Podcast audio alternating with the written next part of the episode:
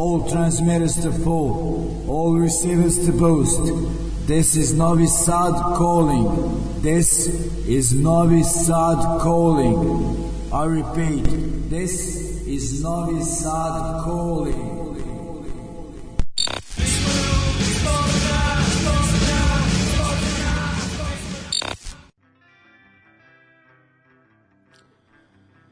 Dobro veče ljudi, dobrodošli u najnovije izdanje emisije Ljudi iz podzemlja, dakle sreda 20 časova i koji minut, počeli smo malo kasnije jer sam imao e, nenajavljenog gosta na terasi, e, to je taj mačak kog Daško e, često spominje, morao sam prvo da ga nahranim pa tek onda e, prešao na emisiju, nemojte zameriti, tu je on i dalje pravi mi društvo, e, zahteva još hrane, vidjet ću ovaj, e, ali ovo je ovaj, jako slada pa kontam da će još dobiti. No, nebitno, sad se smirio, sad više ne ometa, e, pa možemo dalje. E, dakle, nova emisija m, u nekom pogledu drugačije od ostalih, jer ćemo uglavnom vrteti ska muziku i to sa e, debelim povodom, ali o tome ćemo e, nakon što najavim najpre neke e, događaje, za malo da kažem koncerte, ali ovog e, vikenda e, nema koncerata, no bez obzira na to, biće e, veoma zanimljivo u gradu.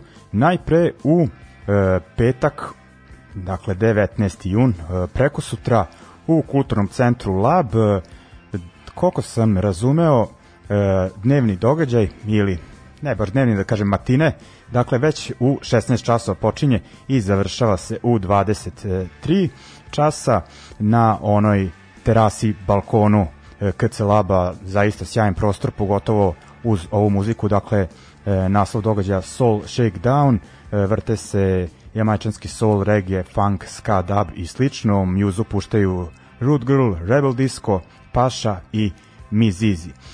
onda u subotu u Domu B 612 eh, održava se DIY market, dakle do it yourself i tu dolaze razni izlagači, eh, puštaće se mjuza, naravno prodavati cuga.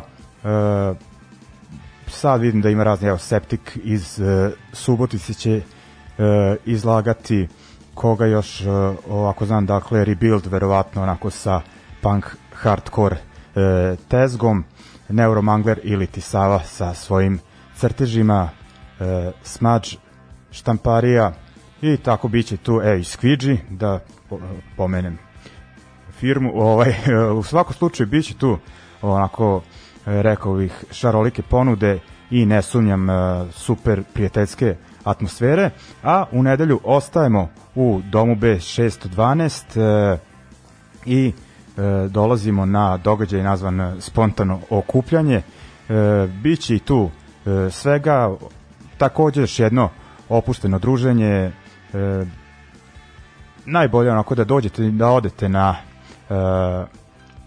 event ili ti događaj, da kažem, na stranici KC Laba, biće tu i nekih, pa da kažem, i šaljivog sadržaja, i muzike, i edukativnih stvari, E, svega puštaću Mjuzu i ja e, negde od 18 časova, kažem to isto onako e, dnevna varijanta, počinje već u 10 ujutru, završava se u 23h. I mislim da je to to što se tiče ovog vikenda, onda dakle sledećeg vikenda u Crnoj kući nadamo se da će usled svega što se događa što možete ispratiti na stranici Crne kuće na Facebooku da će prostor i dalje postojati. Uglavnom svirka je zakazana 26. juna, benefit za drugi alternativni prostor u Novom Sadu, Crna ovca, e, najavljeni su Bronze, e, Ground Zero i Still Bleeding. E, uglavnom, e, mi nastavljamo dalje. E, emisija Ljudi iz e, podzemlja.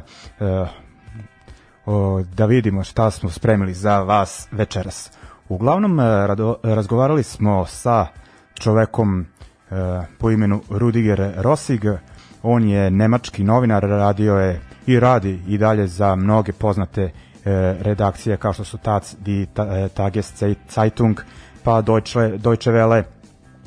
Radio je za još neke, na primjer, radio jedan film koji je objavljen na meni veoma interesantnoj e, TV stanici Arte. E, objavio je knju, knjigu o Eh, emigrantima, jugoslovenskim emigrantima u Nemačkoj ili tigastrabajterima pod nazivom Ex eh, Jugos. Eh, pisao je i za naš časopis Vreme, tu su mi izlazili neki članci, pa ga možda neko zna odatle. Uglavnom, zaljubljenik je u muzičku scenu ovih krajeva još od 80-ih, a to se nekako još pojačalo, postalo intenzivnije nakon što je kao saradnik uh, pri misiji Ujedinjenih nacija proveo tri godine od 1995. do 98. Eh, u Sarajevu i Zagrebu. A pored toga što jako dobro inf eh, barata sa informacijama sa scene eh, ovih prostora, on je najdirektnije bio uključen i u nemačku scenu i to tačnije u ska scenu koja je krajem 80-ih i 90-ih onako baš doživljavala svoj uh, e, Zenit i uglavnom Rudiger je to iskusio i onako po, podelio sa nama prilično e, detaljno e, sva ta iskustva, bar neka, a e, uglavnom preći ćemo na razgovor o njegovom bendu Black Rights, u kojem je svirao još uvek svira, dakle bend postoji, ali nekako nismo mogli da se ne osvrnemo i na to otkud tako čovjek dobro e, priča naš jezik i otkud e, ta ljubav prema jugoslovenskoj new wave i punk sceni. Uglavnom, e, prvu numeru koju ćemo pustiti je po njegovom izboru, mislim da ćete svi prepoznati, pa onda idemo na razgovor sa Rudigerom.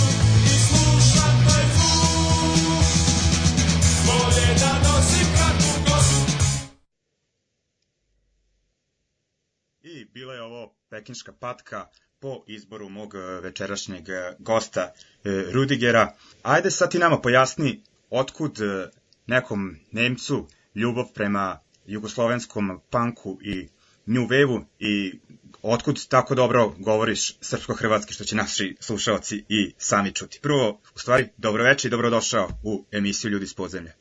Zdravo, zdravo iz Berlina. Dobro, da počnemo iz početka, jel? Ovaj, ne zato što sam naučio jezik, nego e, zato što sam se počeo baviti um, novog valskom i novog talaskom i punk muzikom iz tih prostora, iz čiste frustracije. E, ja sam iz e, zapadne Njemačke, odnosno ja sam odrastao u zapadnu Njemačku, i, u, u gradu Mannheimu, a mi smo imali onaj kratki, ono kratko proljeće Novog vala Neue Deutsche Welle. Pretpostavljam da Nena, 99 Luftballons i takve pjesme, Deutsch-amerikanische Freundschaft, Duff, Tanz den Mussolini. To je bilo božanstveno, ali to je trajalo samo jedno ljeto ili jedno proljeće, to kažemo više literarno. I nakon toga su se većina tih bendova ili razbijali, raspali, ili e, su se počeli prebaciti na šlagaru. Nena je završila kao šlaga pjesmi, e, pjevačica, pjevalka, da ne kažem. Markus, e, gib gas, ich will spas i već je bio za nepodnosit i na kraju su u principu većina pare najverojatno zaradili za vrijeme karnevala u tim velikim zapadnim evropskim gradovima gde se to slavi. Znači, za ljudi koji su se baš bavili ozbiljnom novoval muzikom, to je bilo nepodnošljivo. Ja sam bio u tim krugovima, svirao sam u nekom regionalnom, da ne kažem seoskom punk bendu i pokušavao sam da pratim ono što se dešava u drugim zemaljama, a sad u Jugoslaviju sam došao potpuno slučajno. E, jedan šolski drug mi je pozvao da idem s njimi sa njegovim roditeljima na neki kamping na otoku Lošinju. I išam u biti tamo sa pretpostavkom to će biti interesantno, socijalistička država, tu moram dodat, moj čoča, otac je odrastao u istočno Njemačku i pobjegao 61. tako da sam uvijek imao neki interes u socijalističke države i bio sam svjestan da postoje različite političke i ekonomske sisteme i kulture u Evropi. Tako da sam mislio, Jugoslavija to mora da je nešto kao DDR ili, ili Polska ili e, Čekoslovakija, u nekom talijanskom obliku zbog obale i more. I do duše, na neki način je i tako bilo, jedina, jedina razlika velika je već, ono, to sam vidio kad smo izašli e, iz slavne stanice u Rijeci, išli smo vlakom dolje, jel? E, vozom, kako bi rekli neki više istočni. A pred kolodvora nekako na putu do, do, do autobusa do otoka. Naišli smo na nekoga bunara, Fontenoviše. više a oko onoga bunara na trgu visi ekipa pankara koja pije pivo i sluša glasnu muzika i pored toga se prošeta drot sa petokratkom na, na kapu na, jel, i onom štekom da bi bio ljudi i on se nikako ne interesira za te pankare. I sad sam ja zao iz istočne Njemačke i tako dalje, to u istočnom Berlinu ili Leipzigu bolje da nisi probao. Tako da to je bio moj prvi uticaj. Pa na otoku smo najprije upoznali Italijani, isto pankari koji su svi bili podrijetlo naravno iz, iz Lošinja i živjeli su, su kod svojim bakama. Koje, mislim to, ta, ali to je već početak kapiranje šta je bila Jugoslavija i do duše šta su i dalje Hrvatske otoke. Upoznam tamo čovjeka koji je do dan danas um, aktivan na muzičkoj sceni, on se prvenstveno u međuvremenu bavi svjetlom i takvim stvarima, osvjetljenjem, bolje da kažem, Klif Marušić iz Zagreba. A Cliff mi je poklonio nakon što smo bili popili nekoliko pive i pričali o sudbinu New Wave-a u Evropi. Deset kazete. Reći će, slušaj, ono, mi u Jugoslaviji taj problem što vi Njemci imate, da ste krenuli ka šlagarom sa tim scenom, nemamo, nego kod nas velike državne firme produciraju bendove koje sviraju antirežimske punk pjesme i tako dalje. Pa ja rekao, čovjek, daj, nemoj me zajebavati, jel? Nosim te kasete kući, imam pretnost da kod nas ima gastabajtara i gastabajtarska djeca, tako da mogu čak i provjeravati tekstove. I kontam, to nije samo božanstvena muzika koja upravo je ono što ja, što je mene nedostao u Njemačkoj. Nego isto te tekstove drugojeva, drugovi, ja vam ne vjerujem i takve tek, mislim, to stvarno postoji. Anarhija Olova Bačavaš Čaršija. Pjesme, tekstove koji u socijalističkim zemaljama koje sam do sada znao, nisu bili moguće. Pa eto, to je početak. E, sljedeće godine sam bio 12 puta e, sa autobusom mhm. iz Heidelberga do Zagreba. Bio sam ponovo na more ljeto poslije, već malo, sa malo većim znanjem te muzike i onda sam se zaljubio u Zagrebčanku. Znači, ostao si povezan onako po raznim osnovama za e, muziku ovih krajeva. Kako se baviš e, novinarskim poslom, nažalost, bilo je tu i nekih drugih segmenata o kojima si pisao, najviše mislim naravno na taj rat, ali e, ljubav prema tom New Wave zvuku 80-ih e, e, iz Jugoslavije je onako baš ostala velika, proširila se čak jer si onda krenuo da otkrivaš i neke periode u muzici u jugoslovenskom rock'n'rollu mnogo starije i došao je do toga koliko znam da je tvoj magistarski rad mnogo godina kasnije inspirisan tom scenom. Baš tako, ne samo inspirisan, nego ja sam napisao um, istorični rad, povijest uh, jugoslovenske rock scene i rock kulture, uh, od 60. E, do 91. I na dosta načina baviti se tim, ovoj kulturi je bio moj serum protiv rat i protiv etničko čišćenje, razbijanje zemlje, raspast zemlje, e, sve ono katastrofano što se desilo u zemlju za koju sam se ja, kao što sam rekao, interesirao zbog žive podkulturne scene. A znaš, ona nikad nisam mislio da ću se na kraju baviti etničkom čišćenjem u mjestu roka. Kažem, novinar ali si to doživeo iz neke prilično lične perspektive koliko sam uspeo da shvatim, jer si bio onako baš prvoj liniji i nagledao si se svega. Pa da, i bio, i bio sam čoveče još više u etapi, znači u, daleko od linjama. Da. Zato što naravno ljudi koji ja sam znao, s kojima sam se ja družio prije rata, u biti su pobjekli od mobilizacije, od regrutacije. Da Tako da moj rad počinje kad rad počne kod vas, to je 91. Ja sam u Berlinu među vreme, zbog studija, u stvari sam se tamo selio, a javljaju se moje iz Zagreba jedan nakon drugoga. Naš, ono, Hrvati, Srbi, ljudi sa raznim prezimina, uopće nismo ni gledali tako nacionalni na ljudi koji su došli, ali prvi izbjeglice koji su stigli su u stvari bili dezateri. I među tim dezerterima su bili određeni broj ljudi koji su bili iz rock scene, zato što, budemo iskreni, E, ima tu izuzetke, nažalost, ali u biti nama rokarima je ta cijela nacionalna priča teško za prodat. Mislim, ono, kao što je mene rasizam protiv crnce teško za prodat kad neprekitno slušam crnu muziku. Da, da, da. U svakom slučaju, ovaj, lepo čuti da je onako Pa ja se nadam da je bar veći deo ljudi ostao tu čist, naravno ima i loših primera, znaš ih i sam, sa te ex-jugoslovenske scene, ali nekako mislim ovaj, da ipak E, scena ostala povezana i da su ono, normalni ljudi nakon svih tih godina ostali u kontaktu i da su onako od početka imali ispravan stav.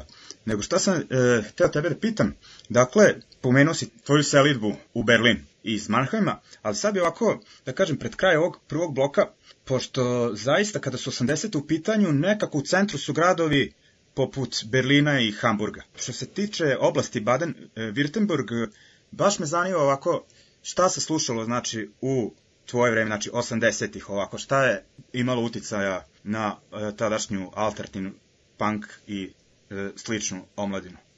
Pa zapadna Njemačka je što se podkulturna muzika tiče dosta podijeljena i to upravo u te okupatorske zone. Znači Baden-Württemberg je u biti uh, jedan mali dio je francuski, a većina su Amerikanci. Znači mi smo odrasli na American Forces Network radio. Da, da, da. I to je u vremenima u kojima ja sam odrastao prvenstveno funk i disco što je recimo funk je još nešto ja naravno obožavam James Brown i takve stvari, ali budemo iskreni, oni što su pustali za vojsku na njihovim radiostanicama je više bio Whitney Houston. I kod Whitney Houston kod mene isto već šlager počinje. Mislim, to je najbijela crnkinja koju može zamisliti pričaći o glasu. Ono, to je prihvatljivo, najvjerojatno čak i za rasiste u Alabamu. Tako da mi smo išli vrlo redovito do britanske zone. Zato što u britanskoj oni zoni... Oni British... John Pila, pa oni su slušali John Peel, oni su imali najbolje programe BBC-a, valjda zbog British Forces BFBS, British Forces Broadcasting Service. Sam ja uopće počeo slušati BBC World Service i tu se nama koje se palimo na, haj budemo iskreni, naša muzika je iz Jamajka, jel? iz Karibije, ona je pod teškom uticajom Sjevernih, eh, e, e, Sjevernih američkih država, USA, ali ona je prvenstveno britanska muzika. I Jamajka je ipak bila britanska kolonija, tako da taj put muzike mi je puno bliže. Mislim, to ide do te mjere da ja sam do 16. nešto imao američki naglasak na engleskom, zato što sam u biti pričao sa, sa klincima od, vojs, od vojnicima kod nas, pa onda kad sam počeo slušati Madness na ime onda sam počeo onaj fino britanski i počneš kopirati kako govori London. Da, da. I to, e, kod dosta ljudima iz moje generacije se vidi, pogotovo što smo mi poslije išli kupiti ploče u Birmingham i na sjeveru i počeli tamo kopirati naglasak. Tako da to je to. I ja me svinio u Francuskoj zoni, bok znaš što su oni slušali, najvjerojatno šalas na vur. Budemo iskreni, oni su imali telefon i taj lijepi francuski soul ima tu svašta ali malo da imaš, imati ideju kako je izgledala ona je rasprava, geografija muzička podkulturna zapadne Njemačka. A sad, u ovoj zapadnoj Njemački imaš naravno jedan fin, jednu finu mrežu omladinskih centara, kulturnih, doma kulture bi to bilo kod vas. Jugendcentrum. I Jugendcentrum je pogotovo što se punk rock i ska tiče najbitna institucija od svih. Zato što na kraju ljudi, kad počneš svirat, onda ti treba sala za 50, 100, 150 ljudi. Ne, nećeš odmah svirat pred 500 ljudima, nećeš ni moć, nećeš ni dobro zvučiti, nećeš ni imati takvu liniju. Eto, tako da bendovi kroz te jugendcentre, omladinske centre, su imali mogućnost da sviraju. Moj mali punk band, mi smo isto svirali u svim tim 30-40 omladinskim centrima u nekom radijusu od, nemam pojma, 100-150 km.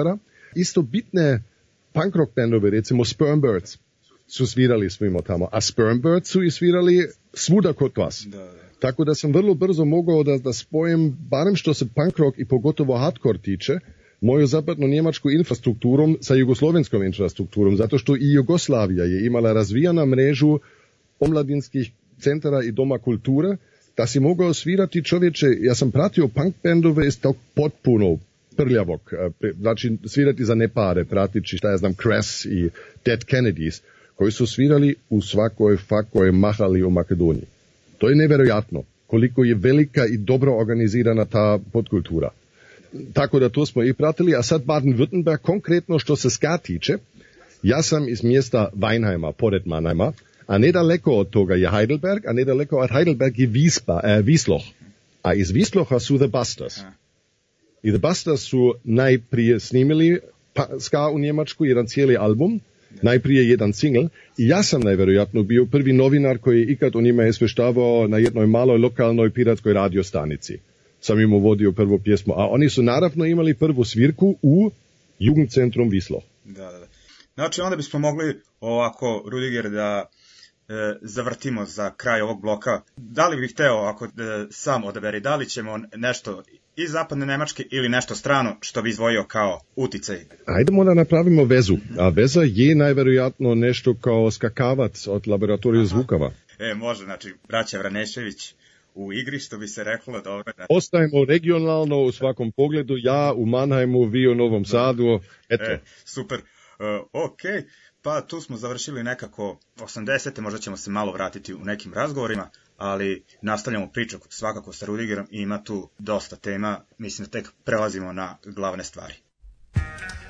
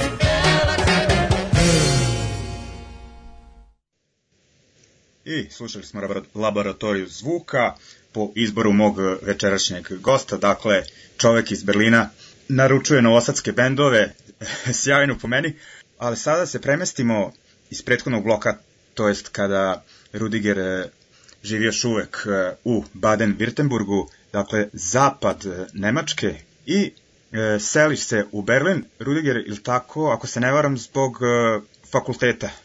Da, da, da, baš zbog toga. Berlin je imao jedini mogućnost u Njemačku da se e, studira srpsko-hrvatski, a da ne moraš studirati slavistike. A ja nisam htio da učim ruski, ne zato što imam nešto protiv Ruski, da pače, nego situacija je krajem 80-a takva, kad ti hoćeš do Rusije, onda moraš Sovjetskog saveza zahtijevati visum tri mjeseci unaprijed i nitko ti ne garantira e, da li ćeš dobiti. Još sam bio političkan aktivan, do duše na ljevici, ali kod tim stalinistima nikad nisi znao ona, ko te to gleda. Moj otac je pobjegao iz istočne Njemačke, kažem, tu imam i neko porodičnu pozadinu, tako da ja znam da ne mogu učiti jezike kad ne mogu pričati sa ljudima. Što se Jugoslovena tiče, svih vrsta, to smo imali kao gastabajteri svuda, tako da mogućnost pričanja je postojala u mom selu i u mojoj školi. Mogao sam tamo da putujem kada god, a ti ljudi su mene mogli doći na posjeti. Sa Rusijom čoveče ja ne bi nikad savladao taj jezik. Tako da sam u biti pobjegao zbog toga dobro, da zapadni Berlin je bio najveći grad zapadne Njemačke i tamo bila odrečena scena i naravno isto igrao neku odrečenu ulogu, ali manje zbog te tradicionalne berlinske scene poput Einstürzne Neubauten i tako dalje, to mi je previše bio hipsterski, iskreno da vam kažem. To je, to je bio tako in, da je za ljudi pod mene već bio out. Znaš, ono. Ali, U Berlinu su se tad desili prve ska festivale. Tamo su Bastasi svirali, ja sam bio uvaljen u, punk, u, u, u, preko panka u ska sceni već, znači počeo sam organizirati svirke. Među ostalog uh, još u Stuttgartu za Blechrajc, band za koji sam počeo svirat godinu po, e, poslije, ali to naravno nisam znao, i aktivirao sam se oko Skinec protiv rasizam, Sharp, što mi je bio savršni spoj zato što mi je svakako išao već dugo na živce, da kad si imao kratka kosa i čizme, Pa onda te svaki čovjek je pitao da li si naci. Ja sam u mom životu bio svašta, ali naci nikad. E, šta je zanimljivo, spominješ taj band Black Rights, band je postojao neko vreme, ako se ne varam od neke 83. ali kao i većina e, ska bendova, tek se ozbiljnije afirmišu krajem 80-ih.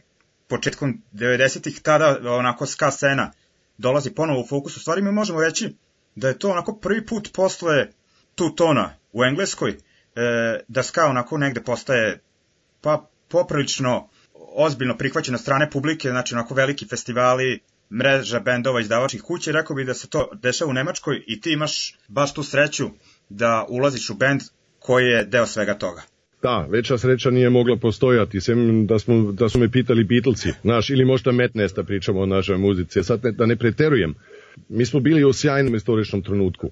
Naravno, ono, regresija odmah na početku. Ska nikad nije uspio da bude mainstream. Bili su par hitove međunarodne poput My Boy Lollipop i tako dalje, to znamo. Beatlesi su se opladi, oplada, radili neko obradu.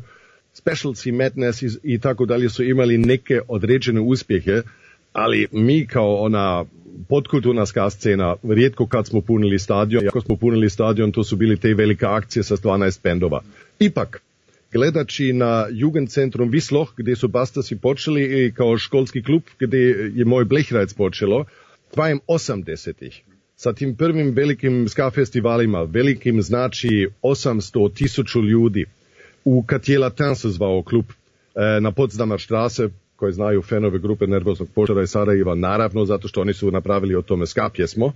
To bi mogli da puštamo poslije. Berlin, Hotel Conti, soba 32 što sam puno kasnije ukrao. E, taj prvi Berlinski ska festival je bio početak neke mogućnosti da se odjednom čak i može misliti o tome da se snimi ploče i tako dalje. Mi sve se nalazimo u pri internetskom vremenima.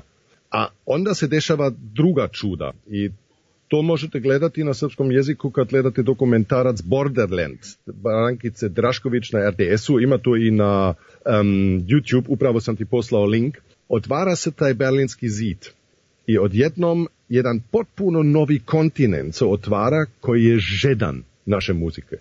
Znači mi našu prvu turniju smo imali u maju 90. godine. Još smo morali ulaziti sa pasošima u istočnu Njemačku i dobili smo pare u istočnim markama i svuda su još više visili komunističke zastave i tako dalje. Mi risalo još na onaj čudan mm, sredstvo za čišćenje što su oni imali, što je za mene do dan danas neki indikator gdje se nalazim. A mi smo imali 15 svirke u malim klubovima, na malim mjestima, gdje su bili frikovi čovječi, neverojatne. I odjednom, eto, nismo više morali kroz tdr da vozimo do zapadne Njemačke, da sviramo tamo dvije male svirke, nego kad smo napravili drugi turnij kroz TDR-a, koji su još bili 20 svirke, naravno odjednom smo svirali u klubovima gdje su bili 100, 500 ljudi a sljedeći put dok smo i upoznali DDR bendove, svirali smo sa dvojim bendovima, a odjednom imaš tisuću ljudi. Znači, neki određeni razvoj je to vidljivo. U konkretnom slučaju mog benda to znači mi smo snimali prvu ploču 90. godine, Hunap JP Beat, pretpostavljam da ćeš i iz te ploče nešto puštati. To smo još radili subvencionirano, znači mi smo od grada Lina, od e, odsekom kulture njihovom, dobili neke određene palice što smo pobjedili na nekim takmočenim. Ja bi to se zvao kod vas, bio sam na raznim vašim jugoslovenskim gitarajadama i u Vojvodini. A za te pare smo snimali e, prvu ploču. Za drugu ploču smo dobili ugovor sa ozbiljnom kućom koja je nosila sve troškove i napravila promociju za nas. Toliko si mogao valjda stići. Bastersi su počeli snimiti sa bendom od Herberta Grönemajera. Herbert Grönemajer je nepotnošljivi pjevač, poprilično dobar glumac, ali bez obzirom da ja ne volim njegov glas, on puni stadione. I oni do dan danas kooperiraju, znači i na taj način ska bendove su ipak stigli do nekog vrha vrhunca estrade, slažem se. Ali to je onako znači bilo na moment, na mahove što bi se reklo, neki onako kontinuirani uspeh eh, se zadržao samo na toj klubskoj sceni, alternativno, je li tako? Tako je. Ili sa bendovima poput Madness koji su u biti krenuli kao pop muzika. Nekad. Da, da. I onda u biti potoneli, zato što oni su izgubili svoju originalna publika, a nisu mogli stvarati da takva stabilna publika među tim šlagarašima recimo. Da, da, da. A nekako, ne znam, sad kad razmišljam i možda se radi o toj nekako žanrovskoj ograničenosti, e, da šire auditorijum, da im treba onako samo letnji ska hita, da, ni, da nije neka publika na koju ti možeš da se osloniš da kažem. Ne, ne, Ajde, ne, Miljane, da budemo malo samo kritične. na, da, da, da, neki duži Znam, period. Ti, ti i ja i još ne, nekoliko stotine tisuća ljudi imaju ta, tu drugu osjećaj, ali ska muzika je dosadna. Ljudi koji ne vole da sve vrijeme ide uhča, uhča, uhča, uhča. Ja često sjedim tu sa ljudima i puštam, sad neću raditi promociju, ali ljudi slušate na Mixcloud, tamo ima early reggae mixove koji su božanstvene dobre, ako voli Northern Soul isto neće da se vara. Znači ja to slušam i random. Bosanski prvi dio, drugi dio, treći dio, eh, Trojan Records, Island Records, god, jel? A sjedim se ljudima za koje misli da imaju dobar muzički ukus, idemo zajedno na ples, voli oni ići na naše svirka, nakon pola sat me kaže, jel imaš i da li postoji neki drugi ritm? Da, da, da. Ili, ili ti znaš sa neki drugi ritam? Da. Koja, koja ima danas rođendan? Čestitam. E, da želimo mu zdravlje što je najbitnije, eto ja se. Ali ono što sam trebao reći sam rekao, jel? Da. Za ljudi koji nisu ludi kao ti i da. ja, ska je dosadna muzika. Zbog toga nikad neće postati mainstream. Normalan čovjek ne može cijelu godinu da sluša ufča, ufča, ufča, to mogu samo gledati. da, ludaci da kažem onako, posvećeni, poput nas.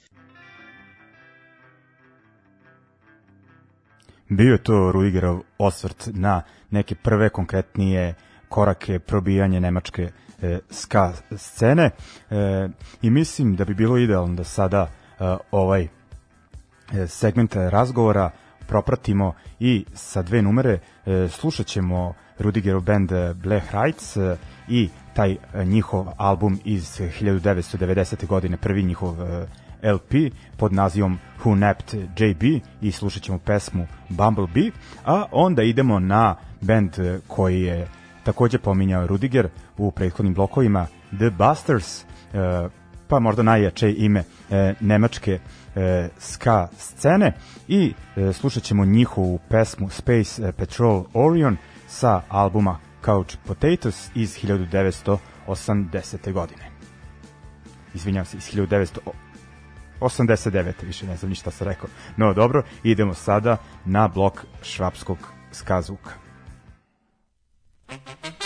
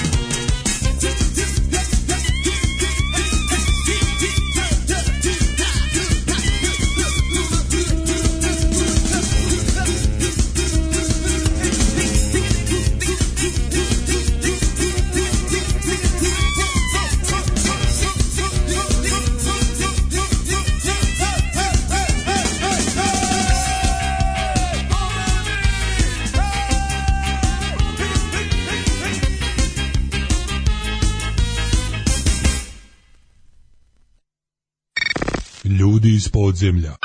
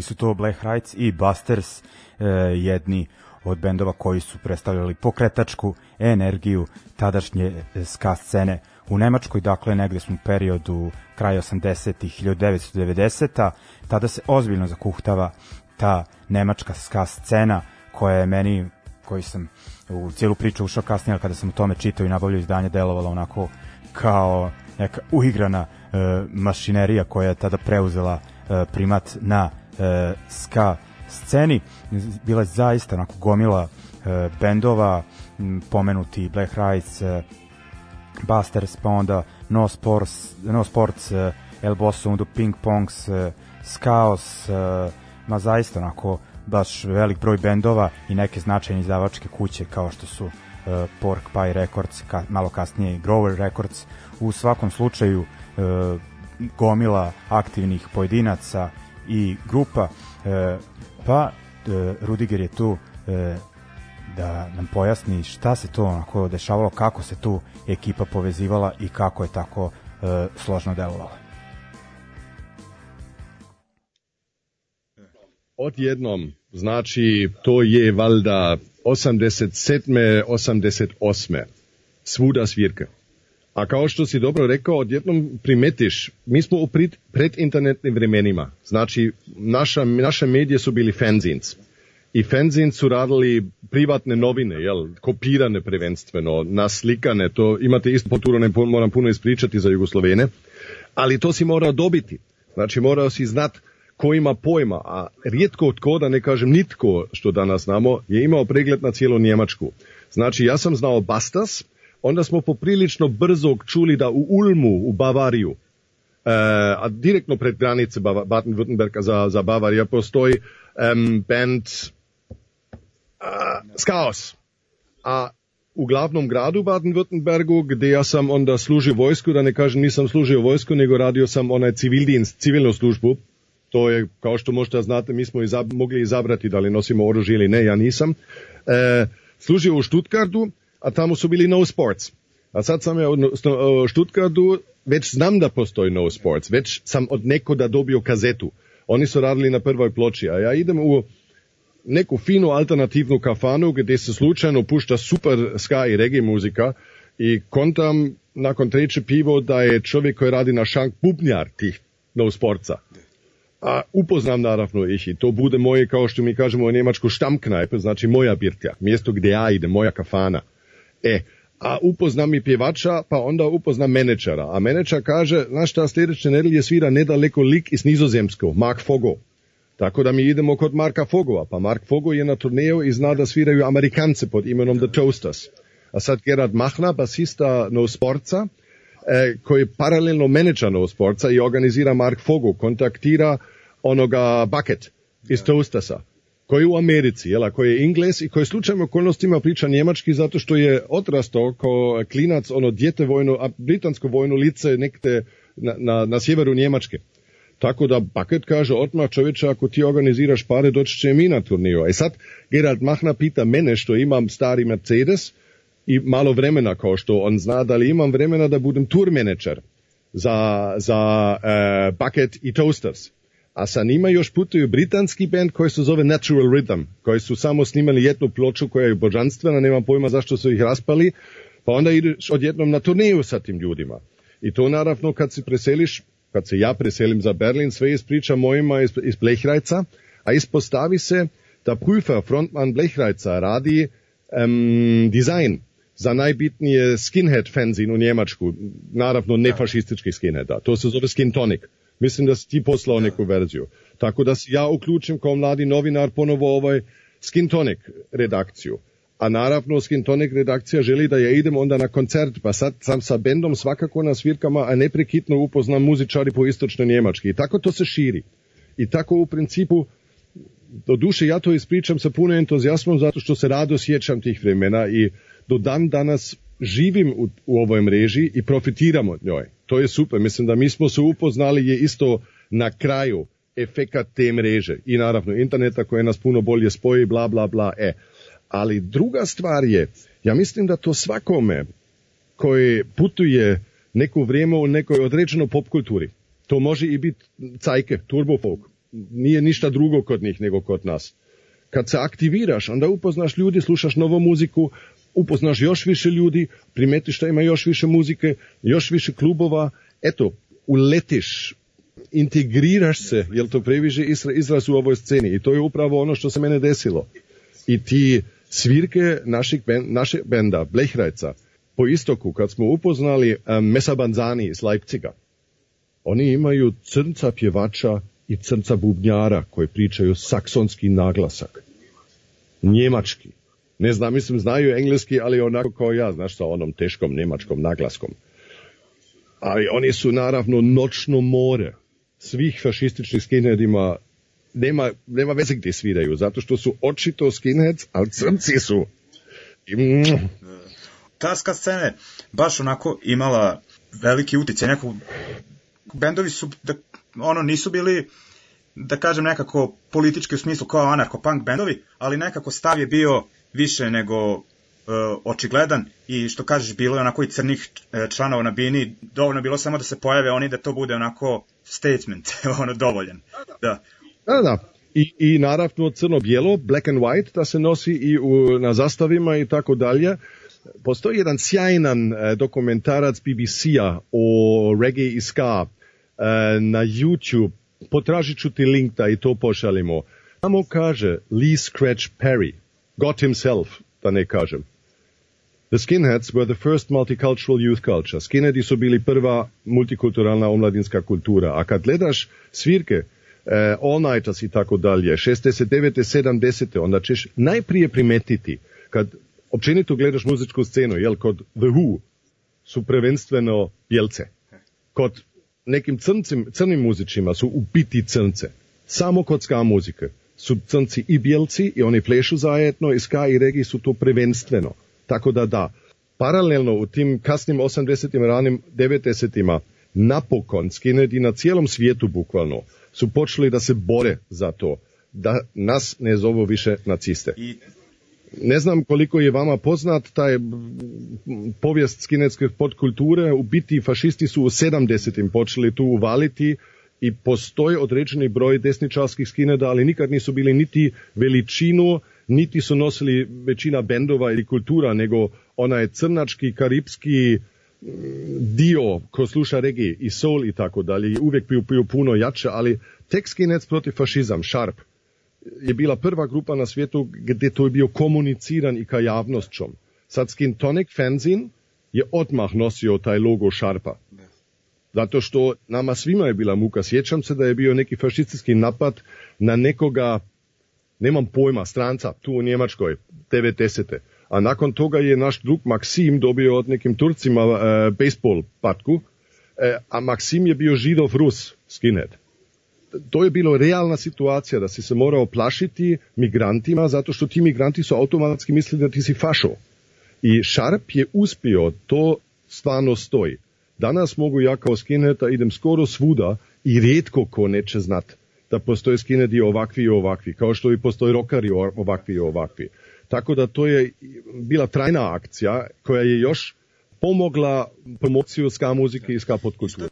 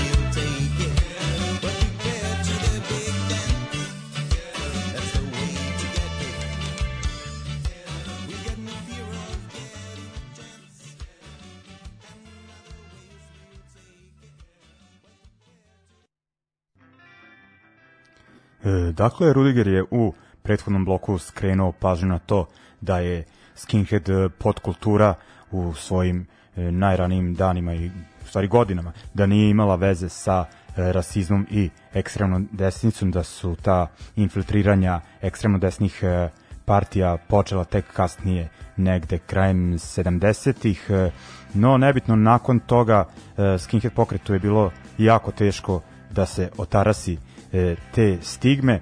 Mm, uvek je bilo, da kažem, e, ljudi koji su glasno istupali protiv toga, ali nekako sve postaje ozbiljnije e, najpre zbog ekipe antirasističkih skinheada u Njujorku, koji 1987. osnivaju taj Sharp ili ti Skinheads Against Racial Prejudice i baš u to vreme se u Njujorku nalazi pevač velškog oj benda The Oppressed po imenu Rodi Moreno i on tu ideju donosi u Britaniju i ta priča se širi najpre širom ostrava, ali onda i po celoj Evropi, to je po većem delu Evrope, ali se nekako čini da se najbrže razvilo u Nemačkoj i da se tamo najbolje primila i svakako su ulogu u tome imali ljudi koje e, Rudiger spominje večeras, a i naravno on je bio i najdirektnije uključen u, u tu priču i kažem ovaj Sharp u Nemačkoj baš onako od početka bio uh, jak, onako išao e, direktno prenosio poruku i naravno bilo je tu i nekih e, drugih akcija koje nismo e, pominjali, ali u svakom slučaju e, došlo je do toga e, zahvaljujući ska bendovima e, koji su pomagali tu priču, dakle da se Sharp razvije i da antifašistička e, skinhead scena u Nemačkoj postane jaka i pitao sam Rudigera kako je došao do toga za veoma kratko vreme. Ma, da kažem, potpuno plakativno, prave ljudi u pravom trenutku na, pravom, na pravim mjestima. I dovoljno izmjena broj telefona, najvjerojatno što se fenzina tiče, to nikad nije niko e, sociološki istraživao, da se razumijemo, barem ne do moje znanje, ja bih to trebao znati.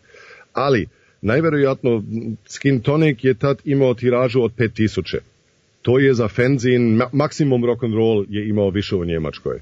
Znači u, u našom segmentu. A kad e, računaš da svaki fanzin čitaju 10 ljude, onda već imaš određeni broj publika i kad još znaš da ti ljudi koji uopće dobijaju i čitaju fanzinove su općenito aktivisti u jednoj podkulturi, od ne sceni to kao što sam rekao, kod turbofoka nije drugčije i kod mladim političkim pokretima isto nije drugčije eto onda vidiš da je najvjerojatno jednostavno bilo vrijeme da naravno onda ljudi otvaraju svoje firme za ploče.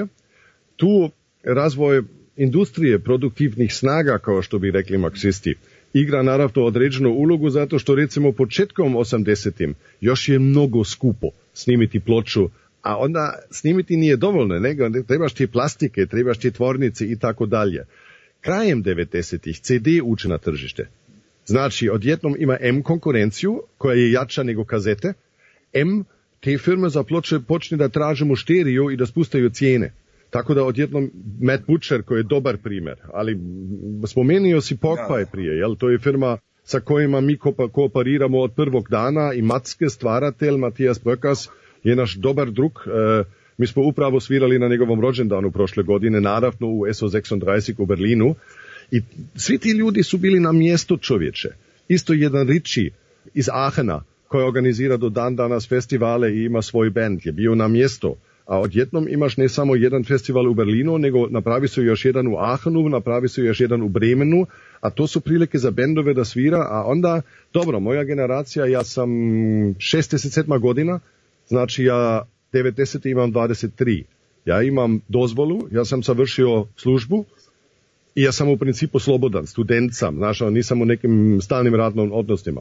Pa eto se dogovaraš sa prijateljima kad čuješ da ima svirku u Hamburgu, sjediš u auto i voziš tamo.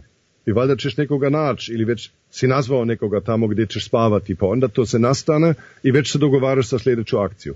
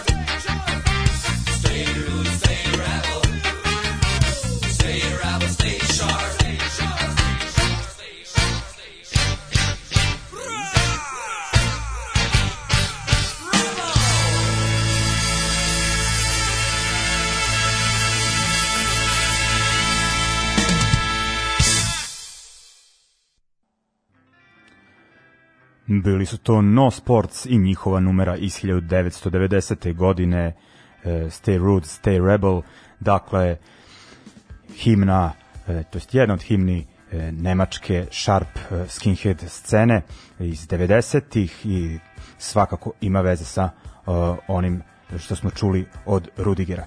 A sa njim smo nastavili razgovor i u narodnom bloku smo se dotakli do toga kako je došlo da se Blake Rides raspadnu i to u momentu kada se činilo da se ska scena probija još više i onako da će se bend u neku ruku, da kažem, profesionalizovati i postati još ozbiljniji. Mi smo prestali svirati 96.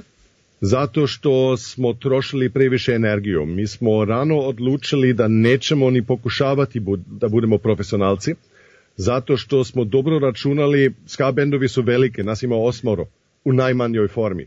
Ima nas tu i tamo i 10 ili 12. Koliko trebaš gažu da takvu bendu staviš M uopće na bini, da voziš sve to, da voziš alat, da voziš muzičke instrumente, pojačala i tako dalje, da ti ljudi spavaju, ti ljudi neće više spavati u skvotovima nego u hotelima, to je skupo, eto. A imali smo mi u ranim 90. im oko 50 svirke godišnji. To znači bukvalno svaki vikend si nekte i, i naravno popiješ i koju pivo i, i naravno si mamoran drugi dan. Sjećam se da mi je Anton iz Pati Breka se ispričao da je de u ranim 90. prestao pit i nikad nije više pio zato što nije htio biti, više biti mamoran. Slažem se, samo da sam ja idiot i sam dalje pio. U biti, 96. nakon što smo imali sjajan ugovor sa firmom koja je sve platila, ali koja je za, zato ih htjela novi album svake godine. Znači nemaš samo 50 svirke, nego moraš još kombinirati 12 pjesama i to sve pored studiranje, rađanje. Mene se rodila čerka 93. Odjetnom sam otac. Dobro da smo prestali svirati. 2007. nas zovu neki klinci koji imaju debele 10, ako ne 15 godina manje od nas – na neki ska festival koji su oni organizirali i ispostavi se da mi smo njima zvijesti. Znaš kakav je to bio osjećaj? Ono, ti si davno zaboravio da uopće znaš nositi gitaru, tu i tamo površno nešto sviraš, pa onda te nazove neki nepoznat čovjek od 20 kusor godina i pozove te na koncert zajedno sa tvojim bivšim susviračima i tamo se sve gledaju i kažu ti si zvijesta i ti kažeš ja hoću pivo ja tim klincima isto sam teško preporučio ljudi nemojte nikad pokušavati da budete propisi. Znaš, me, mm, ona priča UB40 da su svi on the dole, da nemaju posla, a onda da imaju jedan hit i odjedno su međunarodni band. To se jednom dešava ako pričaju uopće točno. Ali što možeš kao muzičar, pogotovo kad primetiš da je tvoja muzika trenutno ponovo u modi, coming, eh, da će se nešto desiti – da ipak ono fino vježbaš i da imaš par godine život skoro kao profi muzičar. Ali ne moraš tak tamo ostati. Ne znam, možda još jedna tuža, tužna priča, ne iz svijeta ska muzike, nego rock'n'rolla. Nizozemski muzičar Herman Brod je bio jedan od najboljim rhythm and blues pijanistima koji je ikad bio na Venemirskoj gli. On je svirao u svim klubovima, on je imao sjene ploče, on je imao, on nikad nije imao ni jedan hit.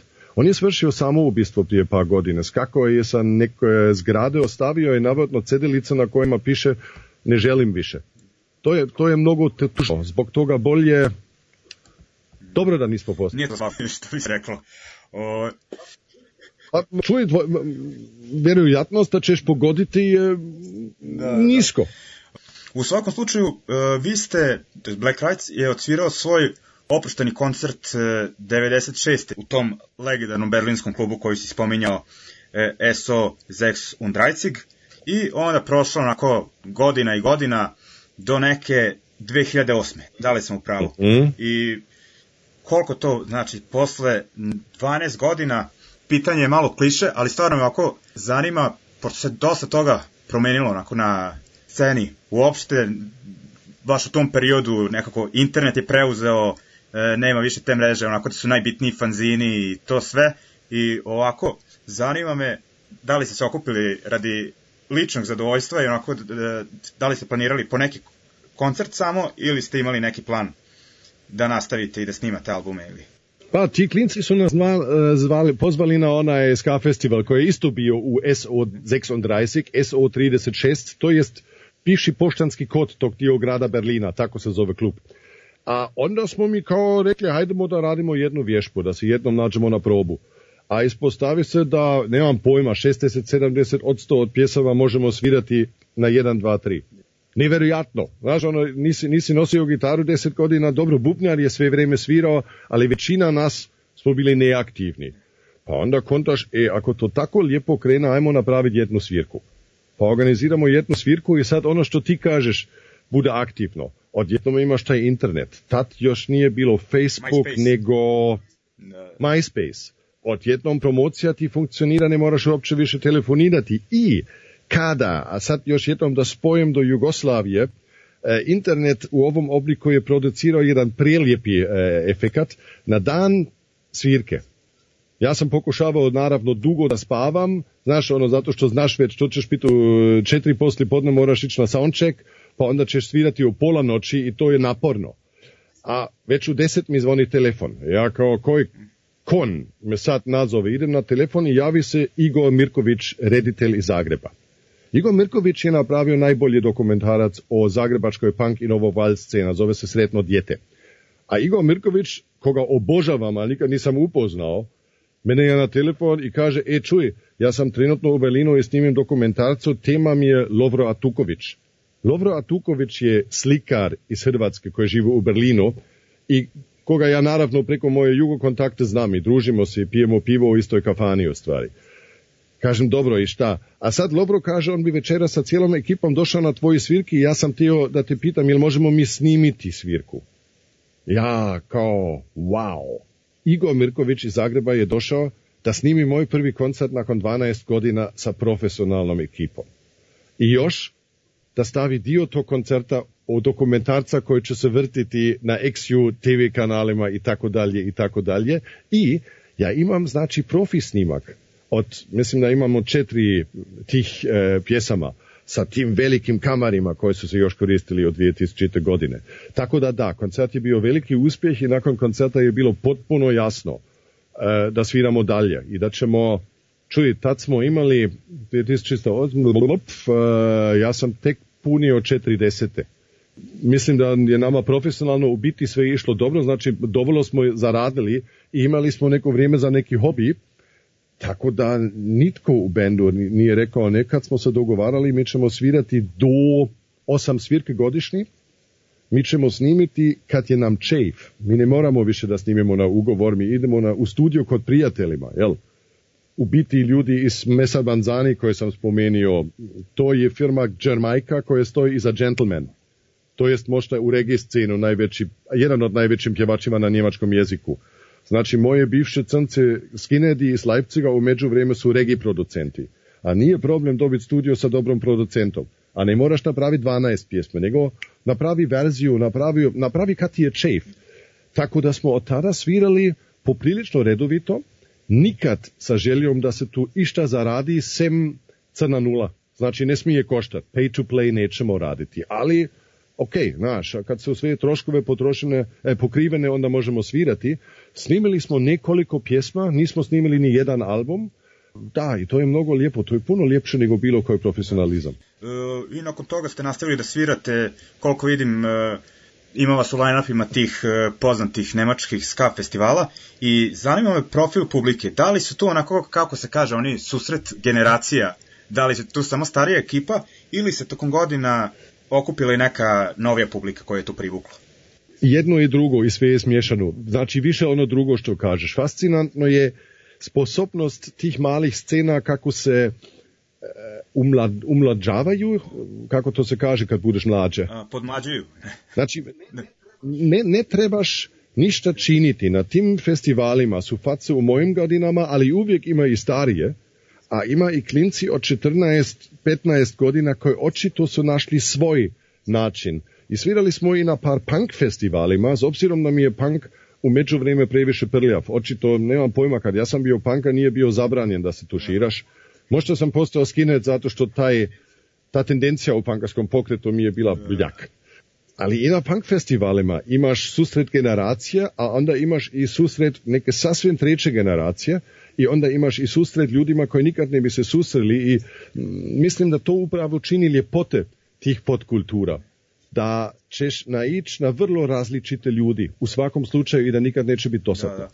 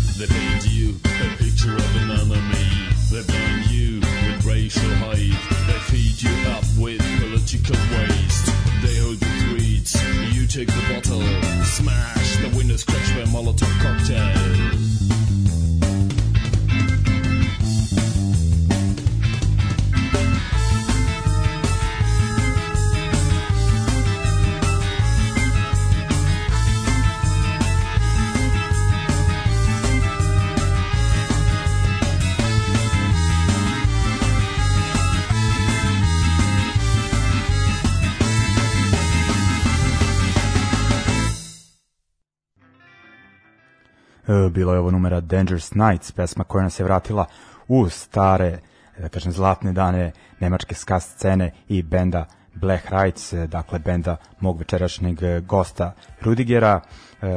inače pesma koja se nalazi na legendarnoj kompilaciji, to jest na trećem delu kompilacija Skaska Skandal koja je objavljivala izdavačka kuća Pork Pie Records iz Nemačke. Da kažem, tu se nalaze biseri nemačke e, ska scene. Uglavnom, za poslednji deo razgovora sa e, mojim večerašnjim gostom, e, odlučio sam da ga pitam šta se trenutno dešava e, u Berlinu, pošto je on ponovo žitelj e, tog evropskog centra e, i kulture i panka i čega već, ali uglavnom e, rešio sam da popričamo za kraj o aktuelnim e, dešavanjima koje bi nam klubove preporučio da posetimo, koje bendove da poslušamo i da li posećuje e, da kažem e, šta se trenutno dešava e, u Berlinu. Pa ljudi, zanima kod vas korone? Pa, kako da kažem sad, dok ne budu izbori, nema. Znam, pratim. A kod nas ima, tako da prošli, koliko to sad ima, tri mjeseca ili tako, ništa nisam čuo, ali ima svašta na internetu, hvala Bogu, bendovi sviraju uživo na ekranima i naravno se tu općenito svašta dešava. Ona berlinska regi je u, ma prije 15 godina se rodila band Seed, S-E-E-E-D, tri puta. I oni su za mene, i mislim i faktično jednostavno, jedan ogromni napredak E, za, za njemački, evropski i općenito regije na, sa, sa naših prostora, oči sad da kažem. E, uvijek su bile lijepe regije bendove u Evropi, ali niko nije znao svirati svoj stil. Seed su iz jednog prostora koji se zove Jam. To je poprilično veliki prostor pored rijeke Šprije u Berlinu, u stvari pored jednog kanala, i tamo nema samo taj bend, nego ima raznih bendova, ima DJ-ova i tako dalje. Hoće da kažem, mi u međuvremenu neke 20 godine imamo autohtonu regi subkulturu u Berlinu. I to ima svašta za gledat. To ima svaki vikend nešto. Onda kad ideš natrag, moja generacija je i dalje aktivna. Ovaj, naš stari drug Kristijan Boskinhead kao DJ ima i dalje svoje All Nightery u Tommy Weisbecker House u bivšom Bronx koji se sad zove Cortina da, Bob da, u Kreuzbergu vjene, vjene imaš to E, točno, imaš i tamo i dalje All Nighteri, e, slabo ima soul u prošlim godinama, pogotovo Northern Soul, ali ja sam srećom naišao na grčku migrantsku kafanu tu iza Čoška i na početku sam mislio, koji su tu čutne Grci jebiga, kafana uopće nije nikako grčka, dobro, ima fine loze, to priznajem, a stavljaju maslac za meze, i kapiraju razne balkanske stvari što je mnogo praktično, ali ne izgledaju uopće kao ti tipični Grci. Ma kakvi Grci, to su moci. Znači, jedan je DJ koji puštao ovdje zajedno sa Mark Forrest. Ne znam da li si čuo za Mark. Mark ide kao bok i batina među Northern Soul DJs u Njemačku. A onaj uh, e, Nikos s njim zajedno pušta. Tako da redovito idem na Northern Soul kod mene u bloku. Vrlo praktično, a vrlo opasno kad se ujutro moraš probuditi E, ovdje se deša svaštava, e, ako ta korona se ikad savršava, se nadam da će se i ponovo desiti svašta. Za vrijeme korone smo imali razne nastupi na krovovima, balkonovima, trgovima, djelomično sa policijom, mnogo zanimljivo sve, a Berlin je i dalje božanstven. Da, da. definitivno, ja mislim i dalje onako punk centar Evrope. Dobro, nisam bio u Londonu, ali mislim da je London nekako svoje odradio za punk, ali da Berlin i dalje ima tu ulogu i pored svega, ovaj, naravno, ljudi e, iz Berlina su onako malo razmaženi, pa će oni reći, nije to više to, treba si ti dolaziti, ne znam, 80-ih, 90-ih, ali nekako preporučujem onako svima koji nisu bili, koji nas slušaju, da posete taj grad onako odličan za punk odmor. Da, da, da. Mislim, argumente tih ljudi uopće nisu loše. E, kad spomeniš London, London je funkcionirao kao swingi, swingi punk i London, to kirije tamo su bili podnošljive. Gentrifikacija je ubila rock and roll. A taj problem Berlin naravno ima isto. Tako da će sad biti na kraju građevinsko političko pitanje koliko podkultura može ovdje stvarno preostati. Ako ti kirija pojede 60% tvoje plate, nećeš više imati vremena da sviraš. E, u svakom slučaju, Rudiger, mislim ako da smo se bar ovih tema koje sam planirao za razgovor, onako, e, dotakli svega, iako bismo mogli da pričamo Da. Još dva dana. I mislim ovako, pošto sam ja već obično kažem nekim gostima koje, s kojima ne stignem da pretresem sve teme i tako bude. Najčešće odradimo posle mesec, dva neki nastavak razgovora, tako da mi se čini da ćeš i ti postati jedan od saradnika ove emisije. Tu sam ljudi, da. samo se okay. javite. Onda bismo mogli o, za završetak da poslušamo eto, baš taj e, reggae band Seed koji nisam slušao do sada, ali sam e, radoznao da čujem. I kada si... Poslaću da. ti odmah pjesmu da. u e, Berlinu. i onda kad smo, e, još jedna stvar znači, koja je vezana za Berlin, koju si pominje doći da čuješ u emisiji, onda na samom kraju nervozni portar. To samo tebi To e, ne, obavezno. nikom drugom ne bi pustio nervozni poštar u emisiji osim tebi. Zaslužio si, ja mislim da će se složiti slušalci. Neverojatno da ti tu pjesmu ne voliš. Baš je ska, a inače momci su tako slatki. O, malo, ovaj, da kažem, uz dužo poštovanje nekako ovaj, znam samo ne, glavne hitove. Ovaj, e, bilo mi je zadovoljstvo i mislim da će se svi složiti koji su slušali da je ovako da nismo očekivali da ćemo naleteti na ovakvog e, gosta u Berlinu. Rudiger, hvala ti i tebi i tom bendu E, Black Rights želim sve najbolje i možda da se vidimo na nekoj bini i u Novom Sadu ili u ovim krajevima. Ajde Novi Sad, Vostrica, čujemo se.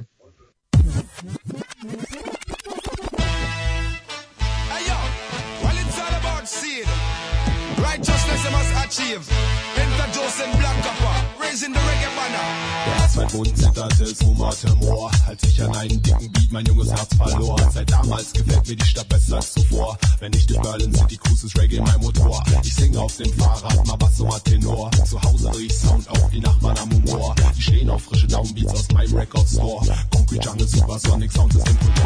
Wenn Party ist, dann sind wir on the dance floor. Der DJ macht den Vers und die Yardis den Chor. Du versinkst am Bass wie eine Moorleiche Moor. Es zwingt dich in die Knie, denn der Rhythm ist Hardcore. Wir shaken was wir wir bis morgens 10 Uhr. Woanders gibt's ne Sperrstunde, bei uns die Müllabfuhr. Dammrumba, dickes Rohr, kommt dann schon mal vor. Und blasen dicken Smoke dies Pankower Tor. Hab dickes B, rum an der Spree. Im Sommer tust du gut und im Winter tut's weh. Mama Berlin, Backstein und Benzin. Wir lieben deinen Luft, wenn wir um die Häuser ziehen. Dickes B, rum an der Spree. Im Sommer tust du gut und im Winter tut's weh. Mama Berlin, Backstein und Benzin. Wir lieben deinen Luft, wenn wir um die Häuser ziehen.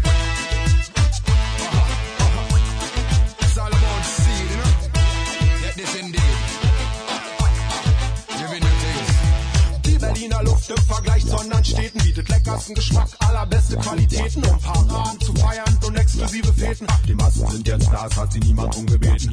Früher ging's in Berlin um Panzer und Raketen. Heute lebe ich im Osten zwischen Blümchen, Tapeten. Kümmer mich nicht allzu sehr um Taler und Moneten. Baue hier und da einen Track, aber dafür einen konkreten.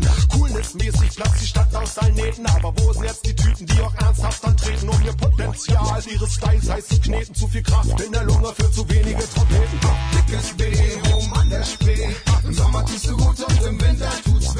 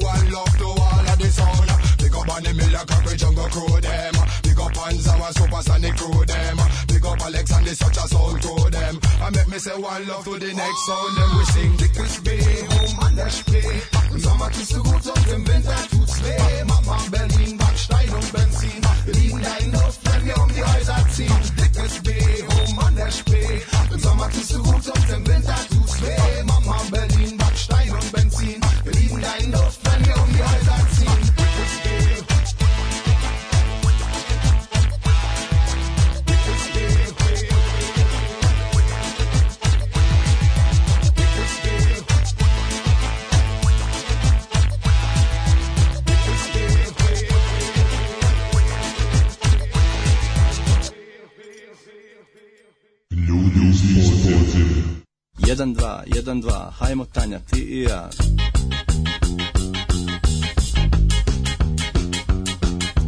Berlin, hotel Conti,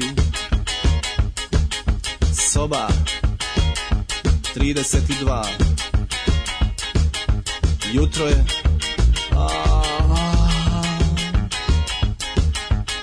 još se nisam probudio ja. Uh.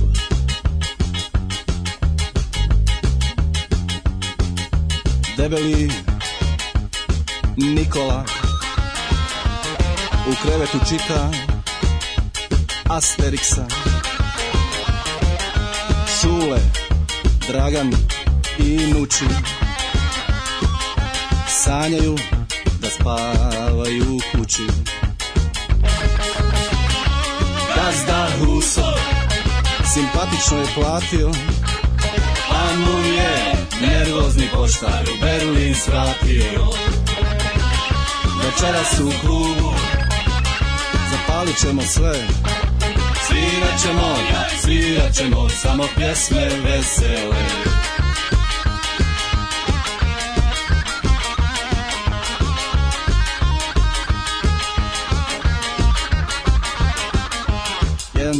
1, 2, hajmo Tanja ti i ja Hajmo dušo, ne stidi se, pala tama, ne vidi se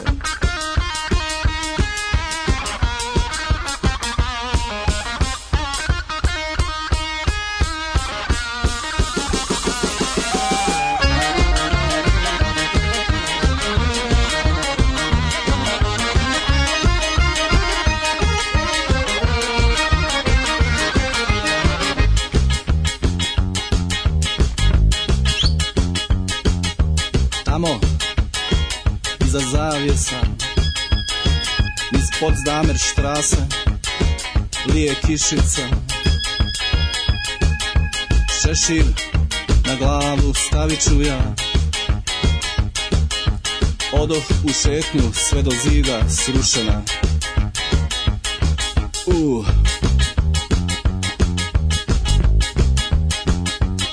U džepu imam 20 maraka Taman na dva kebaba Za pivo i kutiju Malbora Meni je super, više mi i ne treba Gazda Huso Simpatično je platio A mu je nervozni poštar u Berlin svratio Večeras u klubu palit ćemo sve Svirat ćemo, joj, svirat ćemo Samo pjesme vesele